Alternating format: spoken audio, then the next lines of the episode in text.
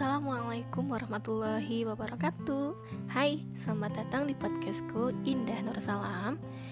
Uh, Buat kalian yang baru pertama kali dengerin podcast ini Selamat mendengarkan ya. By the way, kali ini Indah mau menyampaikan Soal rasa-rasa yang pada umumnya Sering banget mampir di kehidupan kita. Sebelumnya, aku mau nanya Pernah gak kalian merasakan suatu kegagalan atau kekecewaan yang begitu meluluh lantakan kegembiraan di hati. Kayaknya pernah nih ya, dan pasti semuanya pernah mengalami hal seperti ini, termasuk aku. Dan rasanya tuh emang kayak di PHP gitu ya. Terus pada akhirnya kita terjerumus sama yang namanya sakit hati atau patah hati dan ini bisa disebut dengan luka di dada tapi nggak berdarah. Dan ini bisa jadi luka buat mental pribadi.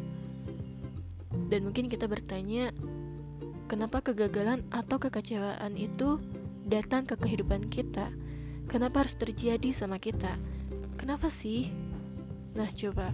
Kita terus jalan kita terus hadapi pasti di saat kalian mau terus berjalan kalian akan menemukan jawabannya Kalian percaya nggak sama yang namanya takdir? Takdir yang udah Allah rancang, malah jauh sebelum kita terlahir. Di sini, aku bukannya mau maksa kalian untuk percaya atau enggak. Cuman aku ingin mengingatkan, kalau apa pun yang terjadi sama kita itu udah ada garisnya. Ketika kita mengharapkan sesuatu tapi pada akhirnya gak sesuai sama harapan kita, apa yang terjadi? Kecewa? Sakit hati? Tentu. Tapi itu tetap jadi jawaban yang udah Allah kasih dari sekian banyak harapan yang pernah kamu pinta. Segala bentuk ketidakinginan yang datang itu memang menyebabkan hati kita sakit, hati kita kecewa. Tapi bukan pertanda Allah itu kasih celaan. Justru Allah itu punya maksud untuk menyelamatkan menyelamatkan kamu dari hal yang gak akan sanggup untuk kamu hadapi kalau keinginan kamu terus-terusan terpenuhi. Kita boleh berencana, tapi serahkan kembali pada yang maha kuasa. Kita kan gak tahu apa-apa, taunya cuman pengen tanpa tahu ke depannya akan terjadi apa. Nah mungkin dengan Allah kasih jawaban yang gak sesuai sama harapan kita itu adalah bentuk Allah menyelamatkan kita Bahkan Allah pasti kasih takdir atau jawaban yang lebih baik dari yang kamu duga dan lebih dari yang kamu minta. Dan di saat kita merasa kecewa, Allah tahu kalau kita itu mampu menghadapi situasi tersebut. Biar ketika kita sabar, kita makin kuat. Karena Allah sudah menakar ujian untuk kita terima. Dan ini pernah juga ya, di saat kita menerima jawaban dari harapan yang kita pinta tapi nggak sesuai sama harapan di saat itu kita juga merasa gagal ya nggak tapi kalau misalnya kita mau berproses kita mau mencoba kita mau mencoba untuk bangkit mencoba untuk terus menjalani pasti di saat kalian berproses itu kalian akan menemukan takdir baik melebihi dari yang pernah kalian minta. Allah mengganti semua yang kamu inginkan menjadi yang lebih kamu butuhkan. Contohnya gini, aku punya temen ya, dia punya pengalaman pribadi yang nyata dan itu menjadi sebuah eh, pengalaman berharga buat diri dia. Jadi gini ceritanya, waktu itu dia sekolah SMP dan SMK-nya itu masuk ke sekolah swasta. Awalnya itu dia pengen banget masuk ke sekolah negeri, tapi karena dia nggak keterima, ya udah. Akhirnya dia ambil sekolah swasta. Dia menjalani pembelajaran di sekolah swasta itu. Dia sempat sedih, sempat kecewa karena gak masuk ke sekolah negeri yang dia inginkan. Tapi ketika dia sekolah di swasta itu, katanya alhamdulillah selama di SMP dan SMK swasta itu dia malah mendapatkan ranking di kelas. Dia ranking pertama. Pernah sih dia sesekali uh, ranking kedua. Cuman selama tiga tahun di SMP selama tiga tahun di SMK juga dia mendapatkan ranking yang bagi dia cukup memuaskan. Mungkin karena saingan antar siswa di sana lebih sedikit jadi alhamdulillah dia bisa meraih ranking tersebut. Sampai pernah dia uh, dapat beasiswa. Beasiswanya itu berupa bebas bayar SPP yang entah berapa bulan katanya dia lupa.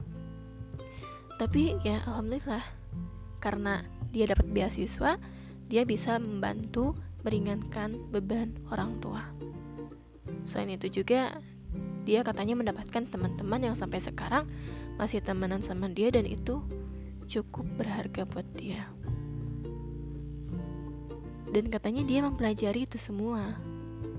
Dia mempelajari kekecewaan, dia mempelajari kegagalan yang dia alami, dan dia berpikir kalau pada saat itu dia masuk ke sekolah negeri, dia belum tentu bisa meraih ranking pertama secara berturut-turut dan mendapatkan beasiswa yang yang gak dia sangka. Mungkin kalau misalnya dia sekolah di negeri, di sana mungkin akan ada banyak saingan-saingan yang jauh lebih berat. Dan mungkin dia nggak akan dapat ranking.